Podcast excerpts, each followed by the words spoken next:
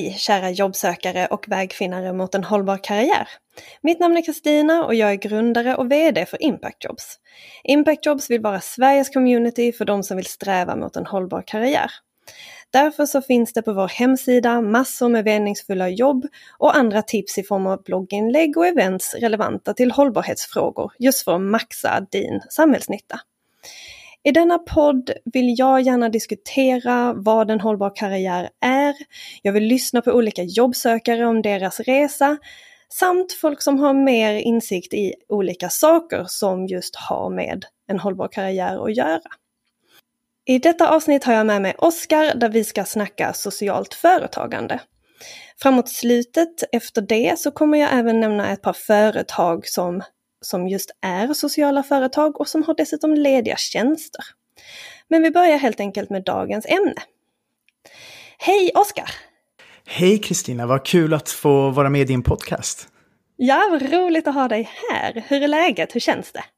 Gud, det känns jättebra och eh, jag är supertaggad på att eh, få vara med här och dela, lite, dela med mig Ja, jättekul. Jag tycker vi börjar från början så att du ska få lov att berätta lite om dig själv helt enkelt. Ja, vad härligt. Eh, gud, är det, det är nu man pitchar sig själv kanske, men i bra stunder och, eh, och sådär så brukar jag säga att jag är en livsäventyrare. Jag är en stor fantast av att klättra, surfa, resa, möta människor, kasta mig in i saker. Eh, och jag säger till min omgivning att det är en entreprenör. Mm. Eh, jag driver företag eh, och eh, initierar saker. Och det gör att min omgivning ibland, de som jag spenderar mitt liv med, ibland kan känna att i andra stunder så är jag väldigt känslostyrd, kanske lite all over the place. Och, men har svårt att fokusera på en sak. Eh, mm. Så att det, allt har en uppsida och allt har en nedsida och det är väl mig en väldigt i en väldigt kortfattad mening, om man får säga ett par ord. Liksom. Ja, fint. Jag tror jag verkligen kan eh, känna igen mig i det där och att vara lite all over the place. Men fortsätt. Ja, men visst. Eh, om man ska ta min resa fram till där jag är idag så brukar jag alltid starta i, i en väldigt trygg miljö, eller att jag hade en väldigt trygg miljö när jag växte upp. Men mm. det är också så att, att jag har sett många miljöer. Om man säger genom 13 års skolgång från första klass till att jag gick ut gymnasiet så gick jag i mm. 11 olika klasser. Och jag tror Nej. att det, jo men det är helt sant, det är helt sjukt. Och det var inte så att vi, vi flyttade så mycket, utan vi flyttade två, tre gånger. Mm -hmm. uh, och, men det var liksom skolbyten eller jag ville gå på en speciell skola eller liksom vad som helst. Men nästan varje år så bytte jag klass. Det blev liksom, det bara blev så. Uh, mm. Och det gick ingen nöd på mig, men varje skolstart så fick jag komma in där och, och vara ny eller vara i en ny miljö. Och jag, jag gillade det och jag tog med mig det in i mitt vuxenliv när jag gick ut gymnasiet. Um, så ganska snart så åkte jag och några vänner, vi, vi flyttade utomlands. Jag jobbade i Österrike, Norge. Eh, jag började plugga, bodde i Indonesien, eh, flyttade till Portugal. Så att mm -hmm. jag liksom den här ombytliga miljön är någonting som jag alltid, alltid har tagit med mig och alltid tyckt väldigt mycket om. Mm, det um, verkar som du trivs i den. ja men verkligen, och jag tror att, att nu är jag i ett annat skede av livet där jag yeah. ville ha ett hem och där jag vill ha en plats att utgå ifrån. Mycket, mycket mer än när jag mm. tittar tillbaka på mig själv i, i de tidiga 20 åren. Liksom mm. idealisten Oskar Olström. Mm. Eh, han som studerade utvecklingsstudier på Uppsala universitet och tyckte att alla samhällsstrukturer och företagande och det här stora ekorrhjulet, det var liksom, det var all ondska.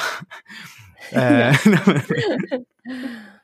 och, och, jag tror att eh, Nej men det drev mig. Då ville jag liksom flytta in i en tiny living, bo i en liten, ett litet skjul och vara självförsörjande. Och det var liksom ett mål som jag hade. Men, men jag tror att eh, ja, alltså dels kan jag inte odla eller snickra och det passar nog inte riktigt min personlighet tror jag.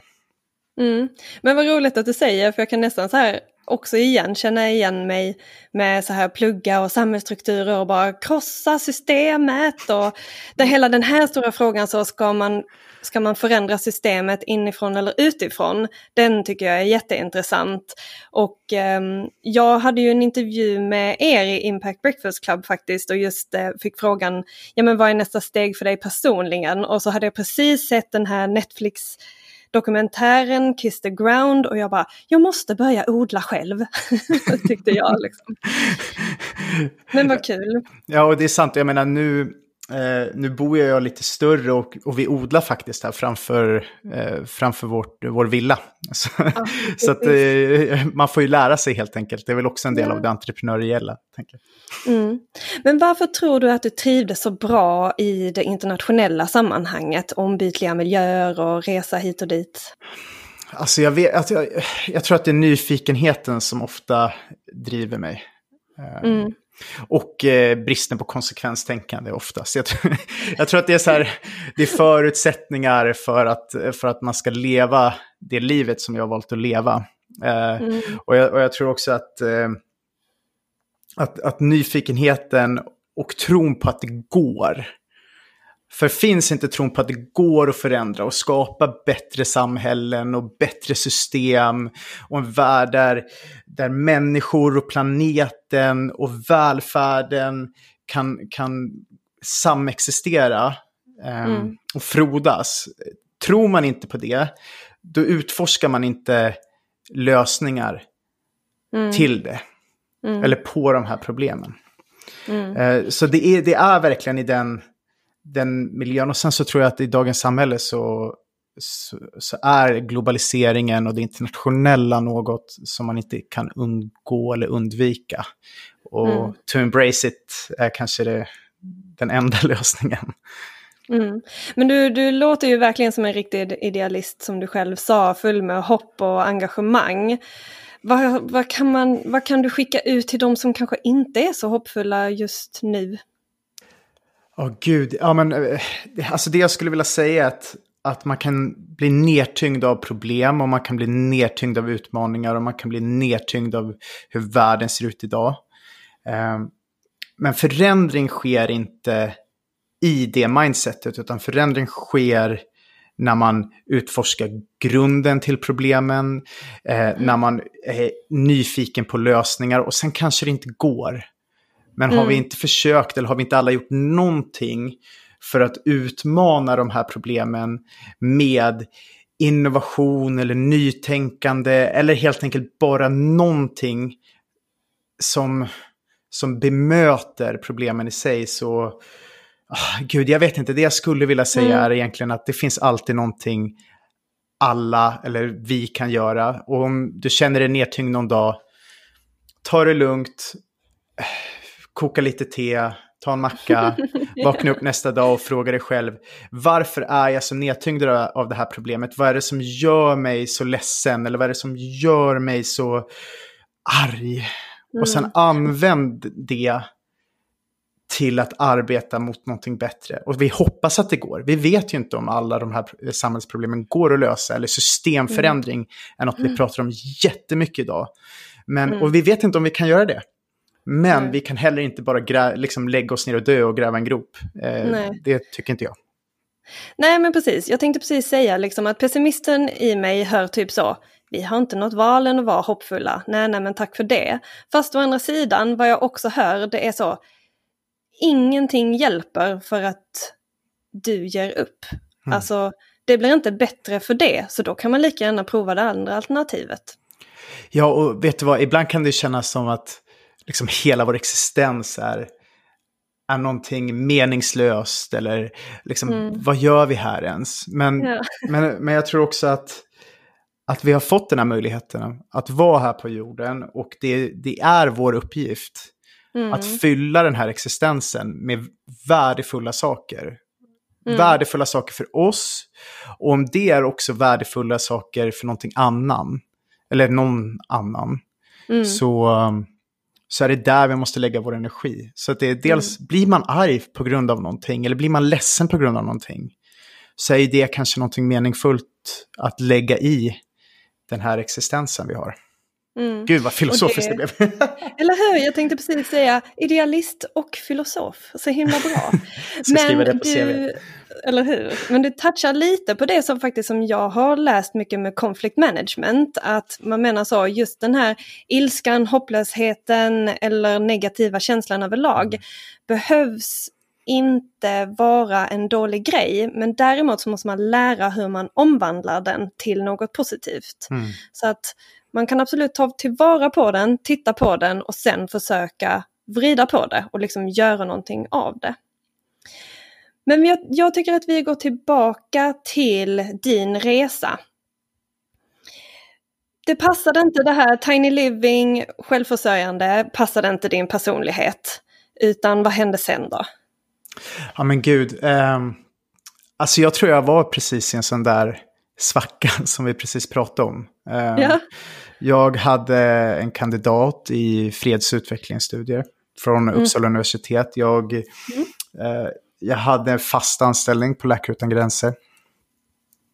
Jag, eh, jag var fortfarande den här aktivisten Oscar, men det var någonting som skavde. Jag gick där på huvudkontoret i, i, i Stockholm och, och kände att samma dynamik som det är i den tredje sektorn hos eh, ideella föreningar och NGOs. Samma dy mm. dynamik gäller och är sann i privat sektor. Eh, och blir, liksom, frågan blir, varför kan vi inte ta de saker som privat sektor är väldigt bra på? Mm. Värdeskapandet, förändringsförmågan, den inneboende disruptiva nytänkandet och massor av saker som är exponentiell förändring i privat sektor. För här står jag på Läkare Utan Gränser och processen att ha donatorer, attrahera nya donatorer och behålla de donatorer som man redan har. Mm. Den dynamiken är densamma. Det är ett värdeskapande för någon som mm. ska ge pengar. Sen så är syftet väldigt, väldigt starkt, men jag kände att, eh, att kanske att företagandet var, var ett verktyg som kunde jobba med större innovationsförmåga. Där, där man mm. hade liksom högre risk och mindre konsekvens. För de här stora organisationerna, om de provar mm. något nytt som bränner dem på näsan, så skadas mm. deras varumärken och enormt. De måste hela tiden vara ansvariga mot sina donatorer och de som ger donationer. Medan små företag kan pröva, de kan misslyckas, de kan börja om och de kan innovera på ett sätt som de här organisationerna inte kan.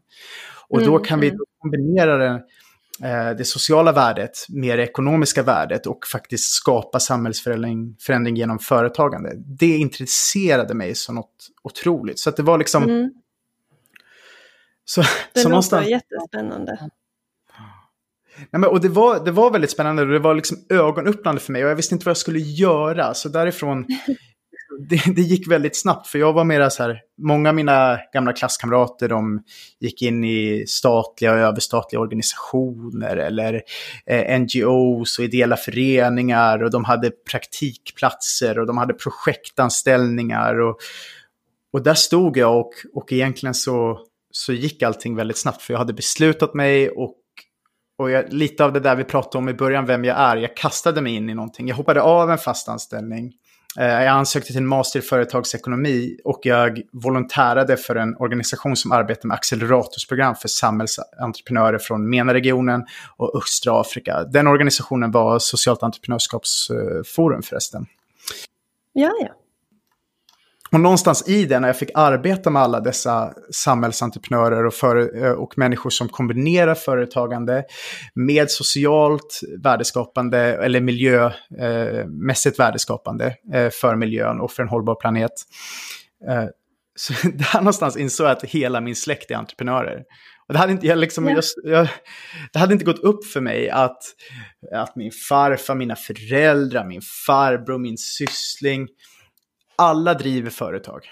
Alla, mm. alla är företagare och entreprenörer. Och, och det var liksom, det blev något fint för mig då, först. Mm.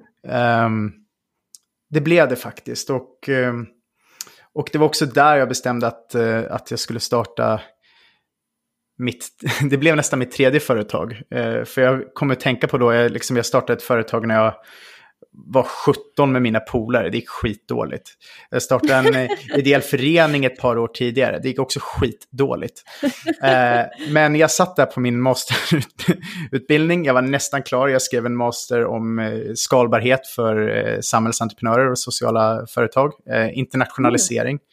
Mm. -hmm. Pratade med massa av dem, och eh, jag volontärade för den här organisationen eh, och gjorde de här acceleratorsprogrammen.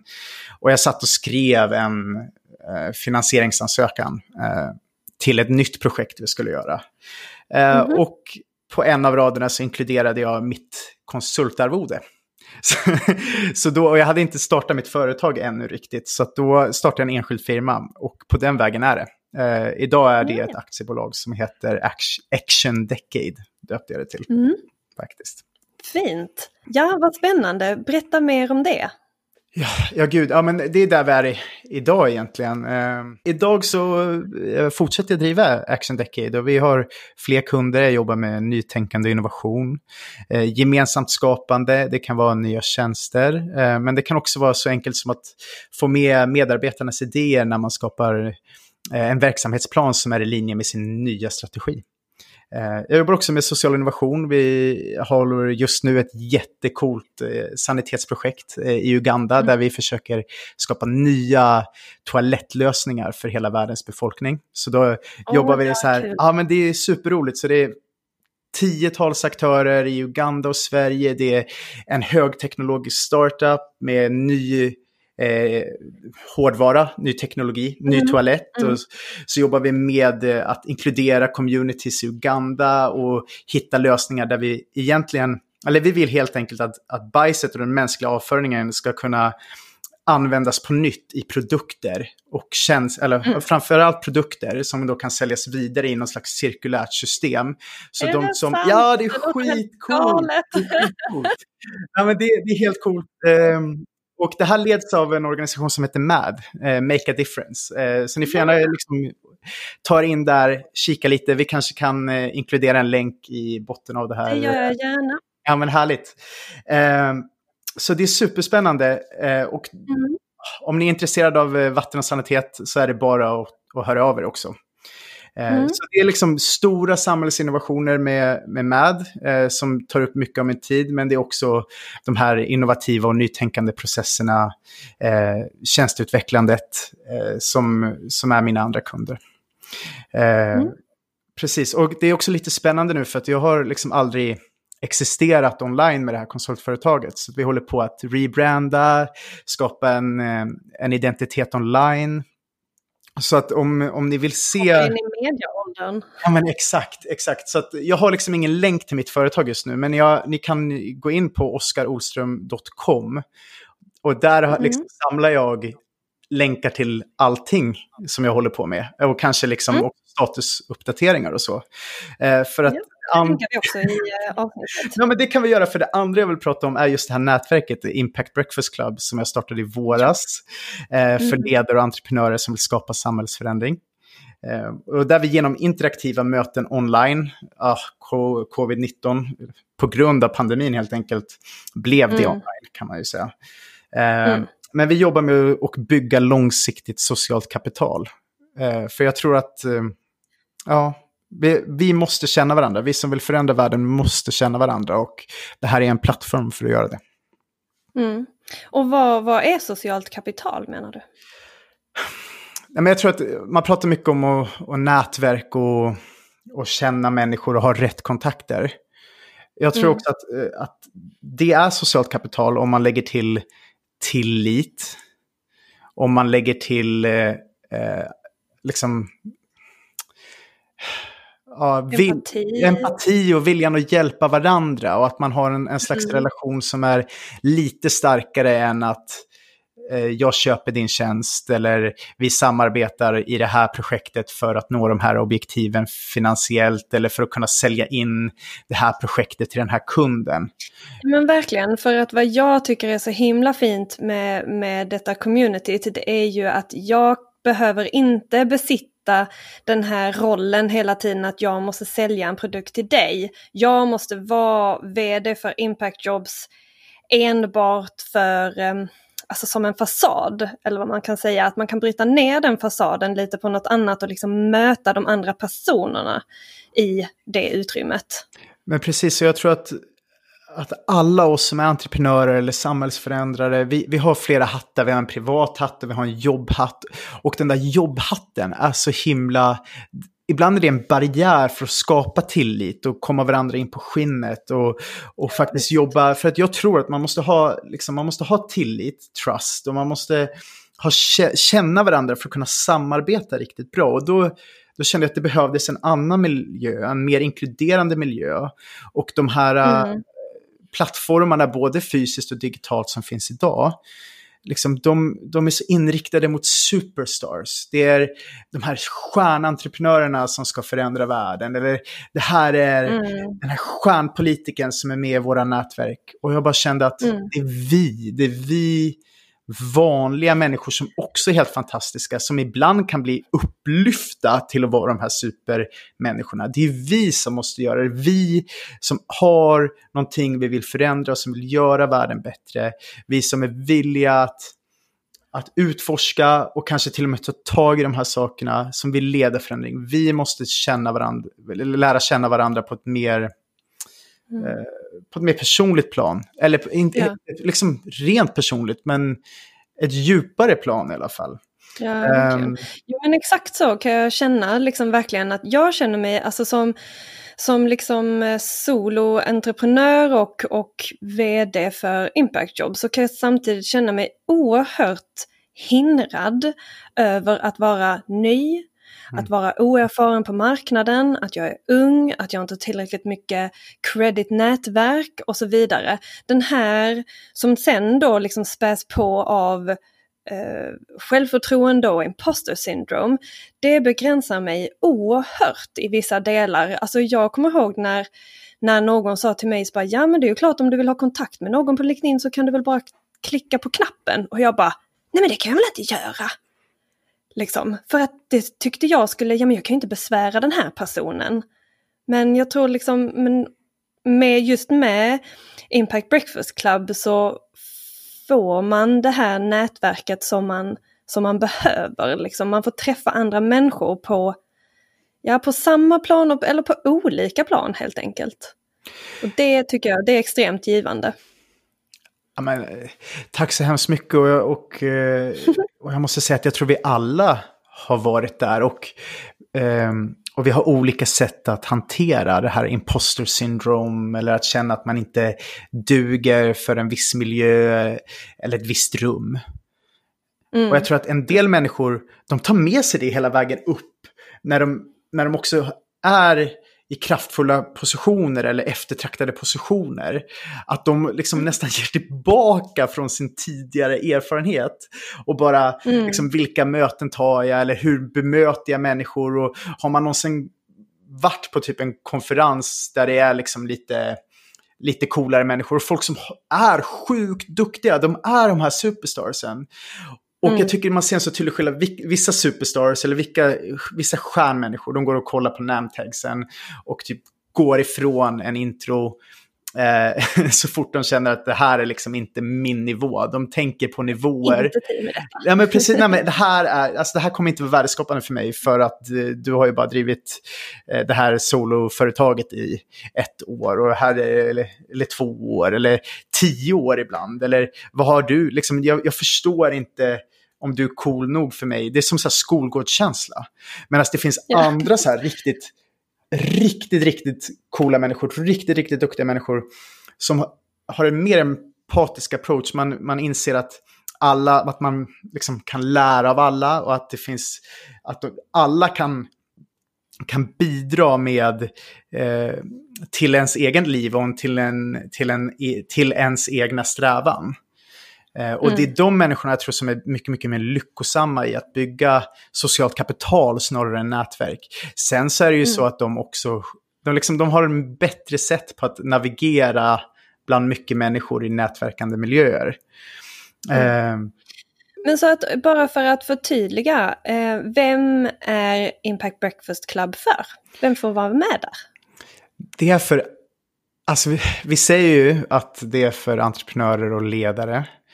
Mm. Och jag tror att den målgrupp som vi ser att vi riktar oss till är innan man kommer in i något typ av innovationsstödsystem. Typ en, innan en inkubator, skulle jag säga. Mm -hmm. Så i, i, innan man har eh, kanske testat sin idé fullt ut eller har eh, innan man har modet att, att komma in i en inkubator, skulle jag säga. För då, då konkurrerar vi med inkubatorerna och jag tycker att vi ser att det här är människor som vill testa mycket olika idéer eller har testat idéer. Eh, och tycker att, eh, att liksom vill vara kvar i ett mer empatiskt och intimt eh, nätverk. Men också för ledare mm. som just nu jobbar med hållbarhetsfrågor eller jobbar i projekt i, liksom, och inte är entreprenörer, men som gärna vill ta del av den här miljön som, som vi är. Eh, mm. Och har behov av ett, ett annat mer personligt nätverk. Man kanske... Ja, men vi, vi hjälps väl åt, Kristina, gör vi inte det? Och, eh, ja, och det här är en... Absolut. Jag vet inte. Kom och prova, alla som lyssnar på det här kan inte bara... Ja. Liksom, och är sugna på att träffa människor som också vill förändra världen, men inte vet hur, eller så vet ni hur dyk upp, kolla läget. Eh, vi är... exakt, man går in på impactbreakfastclub.com och det tar en minut att joina. Eh, och sen så får man ett så här confirmation e-mail och så är man bara med. Det, mm. ja, men vi kan väl inkludera den länken också. Nu känner jag att det blir väldigt så här, länkintensivt i, i vår podcast. Nej, men jag har alltid med några stycken. det, gör jag gärna. Vad härligt. Definitivt. Ja, men det uppmuntrar vi till definitivt. Och det är ju just så här, den gemensamma länken är ju att vi, att vi brinner för hållbarhet och, och liksom sociala företag. Mm. Mm. Eller hur? Ja. Men för det leder oss bra in på just, jag hade velat reda ut tillsammans med dig som har koll, känner jag, vad ett socialt företag är för någonting. Hur definierar man det? Ja, och det, är, det är det här som jag tror att, uh, att vi alla är oense om. Det är väldigt svårdefinierat. För när man tänker på det så här, eh, ta en, en, en, ett vanligt företag. Så är det den ekonomiska värdekedjan vi, vi kollar på. Hur mycket ekonomiskt värde får vi in i företaget? Hur, vilket motvärde är det vi skapar? Hur mm. räknar vi på det? Vårt mål är ekonomiska mål, strategiskt. Eh, om man då säger att ett socialt företagande också måste ha a social value chain, ett, liksom ett samhällsgynnande värdeskapande. Och mm. i min värld så inkluderar också det också miljön eller arbete för miljön. Så det är för människan och för planeten. Men mm. det måste ju liksom vara ett mål och det måste vara strategiskt operationaliserat i företaget. Mm. Ja, det tänker jag, ja men precis, då vet vi exakt vad ett socialt företag är. Ja, då, precis. Eh, problemet är när man ska definiera hur mycket samhälls främjande och samhällsgynnande värdeskapande som behöver finnas. Och hur mycket ekonomiskt värdeskapande som behöver finnas. Räcker mm. det att man är ett stort internationellt bolag, eller vilket bolag som helst egentligen, som säljer en produkt och sen donerar eh, en del av sin vinst, eller när de har råd donerar pengar till välgörenhet. Det är eh, samhällsgynnande eller samhällsfrämjande värdeskapande och ekonomiskt värdeskapande. Ja, börjar folk säga då. Det, det, är det nog kanske inte. Eller jag menar, det är inte det som... Det kommer inte förändra världen. Det förändrar ju inga det system. Det som välgörenhet. Ja, men eh, precis. Och då kanske folk säger så här, ja men vet du vad, det, det, är, det, är, det är den sociala värdekedjan, den samhällsfrämjande värde, värdekedjan som är den viktiga.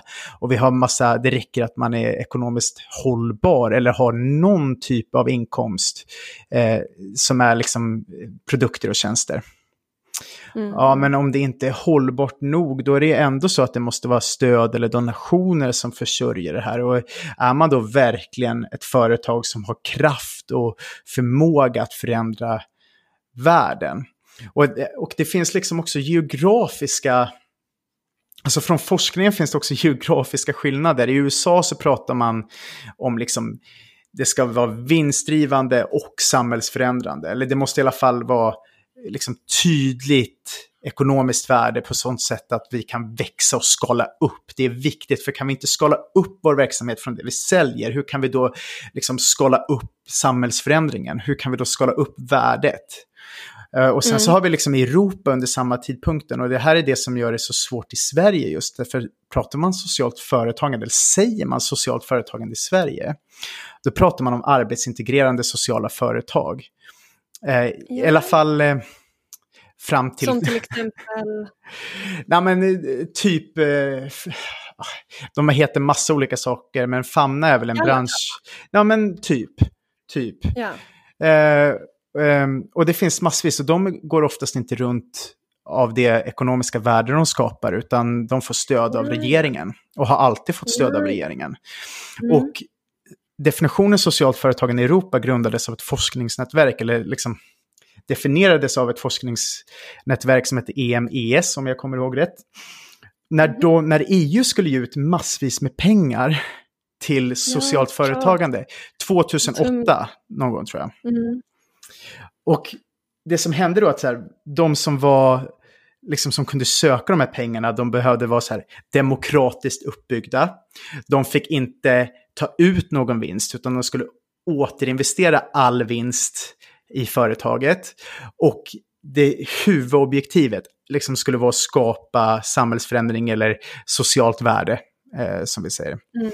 Och då blev det bara de här arbetsintegrerande sociala företagen som kunde söka de här pengarna 2008. Så när mm. regeringen gick ut med en ny strategi 2018 eh, med en del eh, finansiering eh, som backade upp den här strategin, med en ny definition av socialt företagande, alltså då Sverige eh, sociala företags eller samhällsentreprenörskaps i sig, hela den sektorn blev så här, what? så att det blir ju, Ja, eh, så att idag så tror jag att vi som jobbar med socialt företagande så som den är definierad i eh, mera globalt, att man måste liksom, man måste kon vara konkurrenskraftig ekonomiskt och skapa mm. socialt värde. Eh, vi, vi blir helt förvirrade i den svenska miljön och kallar, kallar det mer eller mindre samhällsfrämjande företagande eller samhällsentreprenörer som en motvikt mm. till det mm. här arbetsintegrerande sociala företagandet. Mm. Eh, men även i andra miljöer så är definitionsfrågan, i, i globalt sett är definitionsfrågan jättesvår och jag, eh, jag tycker att, eh, att vi måste skapa en marknad Mm. Där fördelningsekonomin, vilket jag tror är ett påhittat ord av mig, men där fördelningspolitiken och där eh, samhällets alla pengar och värdet fördelas bättre i ekonomin. De företagen som jobbar med det, målet är att skapa någon slags nytt normaltillstånd. Och i min åsikt så är målet att företag som bidrar eh, mest till fördelningsekonomin eller fördelningspolitiken och miljön också blir det som lyckas bli lönsamma över lång tid. Och där har vi konsumenter ett ansvar och vi har också, eh, vi har också det att företagen måste tro att om de ska leva i hundra år och inte gå obsolit och inte liksom gå i konkurs när marknaden förändras så måste de jobba med att samhället andra stakeholders också ska ha det riktigt, riktigt, riktigt bra. Och det inkluderar ju också miljön, för det är svårt att ha en bra försörjningskedja, en supply chain, om det är liksom det är, miljön och klimatförändringarna har också en jättestor påverkan på miljön. Så att jag tror, eller på företagsmiljön och eh, möjligheten att, att bedriva företag mm. över, över tid. Mm. Det tror jag verkligen. Om man vill gräva ner sig i detta och djupdyka lite och titta på kriterier, var kan man vända sig och titta på detta? Gud, ja, men är man intresserad av det här så skulle jag läsa eh, regeringens strategi från 2018. Där mm. har man liksom, det är där vi, vi ofta går tillbaka till och när, när projekt ska finansieras eh, i det här stödsystemet, då, inte i, det är egentligen inte pengar som så mycket sociala företag kan söka, men stödstrukturen eller vi som arbetar med det utgår ju oftast från den definitionen. Annars så är det liksom forskningen, eh, RISE, man skulle kunna kolla på olika hybrida modeller. Kan Tillväxtverket ha något? Vinnova? Ja, men precis. Och det utgår ju, det utgår ju oftast, eller det utgår från den här eh, regeringens strategi. För det är ju liksom, det är myndigheter så de får ju uppdrag av regeringen att fördela mm. de här pengarna till exempel. Eh, så att eh, regeringen går ju till Vinnova och Tillväxtverket och säger vi ska stötta socialt företagande, de här kriterierna har vi satt upp, gör de här projektutlysningarna till exempel. Mm. Ja men precis, för det tänkte jag fråga också näst, liksom, vad finns det för kriterier? Men det verkar som det är lite mer komplext än så och finns lite olika varianter. Nej, men, alltså, det, är, det är hyfsat tydligt i, i strategin, men om man kollar på det... Alltså, jag vill leva i en värld där när vi pratar om företagande och startup så är det... Det är samhällsentreprenörer vi, vi pratar om då. Och väldigt ofta så är det många, många entreprenörer som skapar sociala värden som inte ser sig själv som eh, samhällsentreprenörer. Och där, det är där the magic happens när man mm. tänker som ett företag. Man har samma operationella utmaningar. Vi jobbar med att testa, vi måste få in pengar, vi måste skala, vi måste bli bättre. När det lever gemensamt med att vi måste minska matsvinnet, vi måste göra energin renare, vi måste liksom göra allt det här. Och sen så finns det ju såklart vissa områden eh, marknadsområden eller vissa delar av ekonomin som det är lättare. Typ food waste är en sån där matsvinn är ett sådant där område som liksom har poppat upp där, där det sociala värdet och det ekonomiska värdet är väldigt linjerat och det finns mycket mm. pengar att hämta för att det är så mycket pengar som förloras mm. eh, i matsvinnet. Så där ser vi liksom företag Karma till exempel, som är ett av Europas snabbande, snabba, mest snabbväxande startups just nu. Mm. Kanske, jag vet inte om jag tar i. Eh, enligt egen utsago i alla fall. Eh, Exakt. Eh, nej men, och till exempel som i slutet på 90-talet med liksom den här gröna vågen av energi, solpaneler och så. Det är också väldigt linjerat. Det är dyrt med olja, det är få aktörer, det finns mycket pengar att hämta från solenergi. Alltså det finns mycket mm. att tjäna på det. Och när de ja. värd, eh, värdena är liksom i linje, då kan det bli väldigt hälsosamma företag. Eh, och sen finns det ju liksom andra områden där, där det är mer företagande med någon typ non-profit-känsla. Men där man fortfarande är mm. ekonomiskt hållbara. Men man är liksom precis ekonomiskt hållbara, att det är svårt att skala. Mm, mm. precis. Men så, är detta framtiden? Det måste vara framtiden. Är det, är, är det ett okej svar? Jag menar, Verkligen. vi kan inte ha företag som designar en ny läderportfölj och gör den lite snyggare och har bra marketing och branding och trycker ut den i säljskanaler. Alltså vad är... Kom igen, liksom mänskligheten. vad gör vi? men, ja, men helt ärligt, nej men jag, jag tror också att att många företag, speciellt liksom företag som vill, har, har gått förbi liksom en, eh, en uppskalning och eh, är ganska stora, de förstår. De är, då börjar man bli oroad, oroad över hur man ska liksom inte sluta vara relevant. Alltså det, finns en, mm, mm. det är viktigt att fortsätta vara relevant över tid. Och det finns ju jämt de här undersökningarna.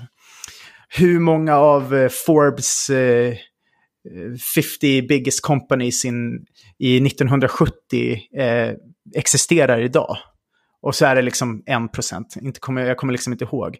Oh, det, mm. det är ju liksom det företag är oroade över. Och då är det dels mm. innovationen mm. och, att, och, eh, och, att produkt och tjänstecyklarna är så korta, man måste komma på nytt, allt förändras så snabbt. Men det är också det här eh, med att när produkter och tjänster förändras så snabbt, så måste man skapa djupare relationer och djupare värde för, an, liksom för sina kunder, men också för samhället, för kunderna är samhället. Och så mm. det, det, finns ju liksom, jag tror att folks, eh, företag som är lite större förstår att det är där de måste, de måste skapa den relationen, de måste vara den delen av samhället. Typ som Sandvik aldrig flytt, har flyttat sitt huvudkontor från Sandviken. Nu kanske de har det, jag kommer mm. inte ihåg. Men liksom, gamla svenska industriföretag är stolta över mm. att generera jobb, de är stolta över liksom, var de kommer ifrån. Eh, och det är kanske också därför de har ja, det finns massvis med faktorer, men det, det hjälper dem att, att fortsätta vara relevanta för att de, de har inte blivit frånkopplade, de människorna de mm. tjänar, för det är det man gör, man skapar värde för människor. Det känns ju verkligen som att det kommer mer och mer blir en större efterfrågan just på att folk, konsumenter och så vidare frågar företag, ja men vad, vad är ert syfte? What's the end game here? Och just den ifrågasättningen gör ju verkligen att hållbarhet blir en fråga om företagets överlevnad eller inte. Men precis, och det här är vår generation Kristina. Jag, jag, tror att det är ja. dels den här konsumentdrivna förändringen. Att man ser att ja, vi säljer bättre om vi också liksom, skapar socialt eller miljömässigt värde. Men det är också vi som är nästa generations företagare. Vi ställer oss frågan, vilket företag vill vi bygga? Om jag ska spendera åtta år, eller åtta år plus, eller hela min karriär med att bygga någonting, vad vill jag bygga? Vad vill jag hålla på med? Vad driver mig? Vad får mig att gå till jobbet varje morgon? För att det är FAN inte lätt att driva företag. Jag menar, det, det, det är, man, vi ska sluta glorifying it, det är hårt jobb. Men samtidigt, mm. så ja, det talar till mycket annat som, som vi söker i, i vår generation i alla fall. Men, men helt enkelt, jag tror att morgondagens företagare förstår resan, de vill skapa någonting som är bra och nyttigt för samhället. Konsumenten driver på. Och jag hoppas att när vi pratar om hur många företag från 2020 som fortfarande existerar om 50 år eller om 30 år, så mm. är det de som har skapat mest värde för samhället som fortfarande överlever. Jo, jag tror stenhårt på det. Det är väl typ ja. det jag skulle säga. Ja, fina avslutande ord tycker jag. Jag tycker att eh, det blev den perfekta avslutningen på, på dagens tema. Så att jag tycker vi håller där helt enkelt. Jag tackar dig Oskar. För Men att du Gud. kunde vara med här. Eh, tack för att jag fick med. Jag känner att jag bara så här, jag har bara pratat och pratat, jag har hållit monolog, men det var otroligt kul att få vara med i din podcast. Det var precis eh. min avsikt, så jag är supernöjd. Härligt. Eh, nej, men tack så hemskt mycket för mig och eh, ja, vi får väl göra det här igen kanske. Definitivt. Jag tänkte bara avsluta själva avsnittet med lite tips som jag har hittat med eh, från då sociala företag, men jag kanske ska säga samhälls... Nej, jag kan inte säga samhällsföretag. Ja, men det kan man säga. Samhällsfrämjande företag får vi säga. Fram, framtidens företag. Kan jag säga impactföretag? Ja, gör det. Okej. Okay. Um, ehm, först ut är Climate View. Och de skriver så här om sig själva. Climate View was founded on the principle of agile, a philosophy built on the very purpose of tackling complex problems. We applied to the mother of all complex problems, climate breakdown. Visualization, collective intelligence, and transparency are the main pillar we focus on. June 2019, Sweden released Climate Panorama, the world's most compre comprehensive roadmap of a nation's transition towards a carbon neutral future. In the coming months, a number of pioneering cities and nations worldwide will also join the Climate View platform. The entire planet is our end goal. Väldigt ambitiöst. Ska vi se, och just nu ligger där sju lediga lediga tjänster på, eh, på deras sida och vi länkar det i avsnittet eh, senare. Bland annat så finns det Influencer Climate Change Internship, Data Scientist for Climate Strategy, International Business Growth. Jag tror en del är i Stockholm och Umeå men jag ser även en remote, så gå in där och kolla om detta verkar intressant. Näst ut är Go Climate som skriver om sig själva så här. Go Climate is a social company created in 2017 with the sole purpose of making it easier to start living a climate neutral life, to slow down the biggest threat to humanity and the planet as a whole, climate change. We strive to do this in the most effective, fun, and sustainable way possible, all while using 100% financial transpar- transparency so that you can see exactly how your money is spent. We only support gold standard certified projects to ensure your money makes as much as a difference as possible. Och de har just nu en ledig tjänst som heter Climate Advisor. Stockholm och Remote står det, så att in och kolla på den också om det låter intressant. Det var allt för oss denna gång. Tusen tack för att ni har lyssnat. Har ni feedback, frågor eller tips så kontakta gärna mig på Kristina med K at impactjobs.se och följ oss på social media. Vi heter för det mesta Impactjobs. Ni kan säkert hitta det. Tusen tack för idag. Ha det så fint. Hej då! Thank you.